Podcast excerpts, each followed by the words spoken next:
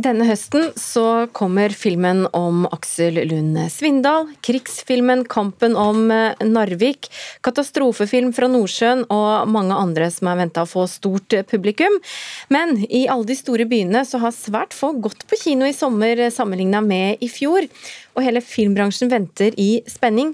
Kommer publikum tilbake til kinosalene?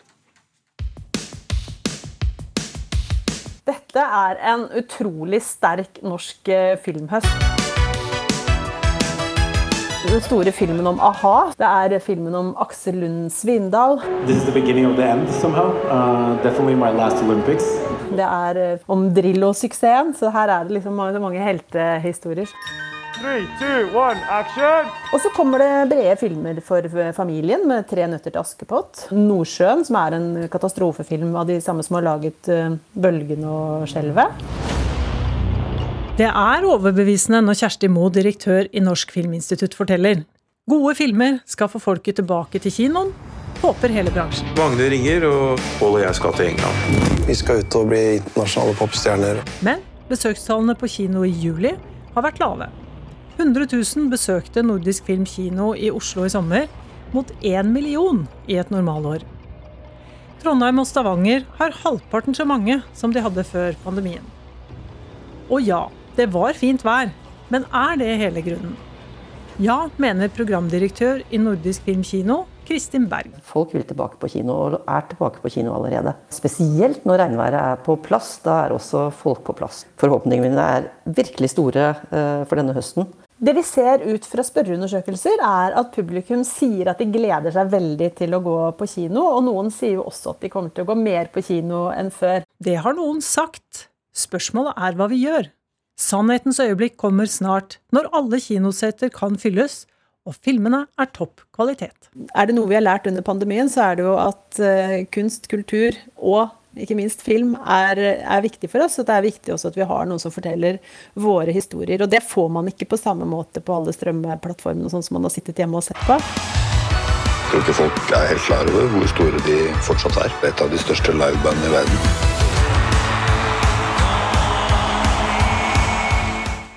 Reporter Elisabeth Grøndal. Agnes Moxnes, kulturkommentator. Kommer folk til å strømme tilbake til kinoene? Ja, Det er jo det store spørsmålet, det. Det står hele bransjen tror jeg, på tå hev og lurer på det svaret der.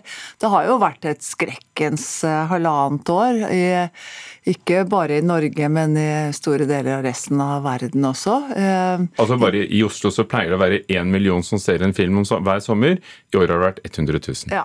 Så, og det gjør dem jo selvfølgelig urolige. Og så er jo spørsmålet da handler det om været? Handler det om at ikke de store filmene er eh, kommet ennå? Eller er det en, en dypere eh, forklaring på dette her? Og det er vel den dypere forklaringen som man er redd for. Altså at pandemien har liksom gitt eh, en stor del av verdens befolkning et videregående kurs i strømming av, av filmer. Og kommer de seg da tilbake til kino eller ikke? Og Hvis du ser på, på, resten av Europa, da, hvordan har det vært? Ja, altså Det handler jo i stor grad dette her om gjenåpningstakten. I Danmark så åpnet vel kinoene i begynnelsen av eh, mai. England åpnet i, i juli.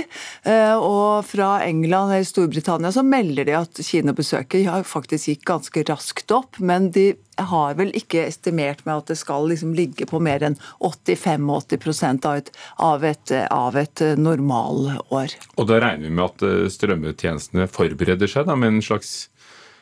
revansj igjen? Ja, ja, så det er jo det som har skjedd da i løpet av dette halvannet året som har gått, det er jo at, at det har oppstått en ekstra spenning mellom kinoene og strømmetjenestene. Eh, før så var det slik at det skulle gå 90 dager fra en film hadde premiere på kino til den kom på strømmetjenesten. Eh, nå er det tallet sunket til 45 dager.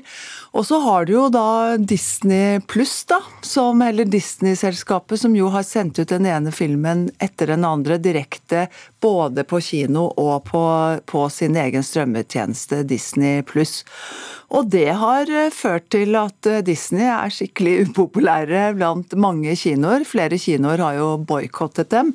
Og nå i, i, sommer så så vi jo at en skuespiller som Scarlett Johansen eh, jo gikk til sak mot Disney fordi at hennes forventede inntekt falt dramatisk når filmen ikke går på kino først, eller henter ut maksimalt fra kinobesøk, men rett på, på strømmetjenester. Så, så, her er det spenninger i, i, lufta som vi får kanskje utlyst. Da, utløst. Så fru Johansen tar kampen for hun, kinoene. Ja, eh, så kommer det da titalls store filmer, kanskje er de gode også, og vi mm. hørte om en del norske som er på vei. Vil det være nok til til å få besøket opp? Ja, det må man jo håpe. Det er jo mange filmer som skulle hatt premiere for lenge siden. A-ha og Aksel Lund, Svindal skulle hatt premiere nå i vår, og er blitt utsatt til i høst. Og det er jo klart at det er eh, trekkplasteret. Det kommer vel en film om Drillo også.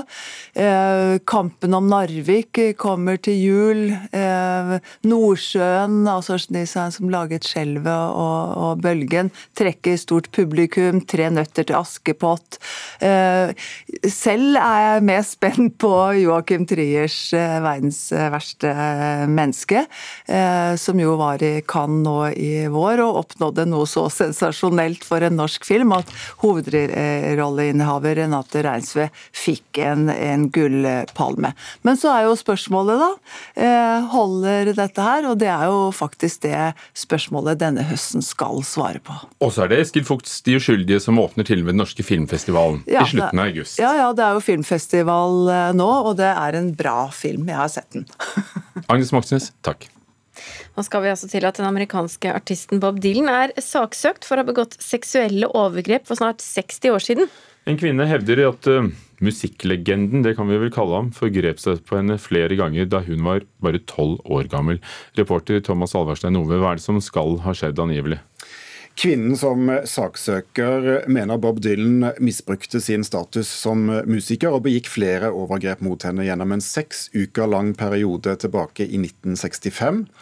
Han skal ha gitt henne både alkohol og narkotika og truet med fysisk vold, og hun hevder hendelsene har gitt henne psykiske skader som hun fortsatt sliter med den dag i dag. Overgrepene skal ha skjedd på det berømte Chelsea Hotel i New York, der Dylan bodde en lengre periode. Har Bob Dylan selv uttalt seg om disse anklagene?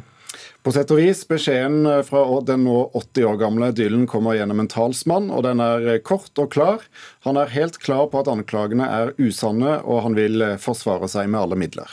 Dette skal altså ha skjedd for da så å si 56 år siden. Hvorfor kommer søksmålet først nå?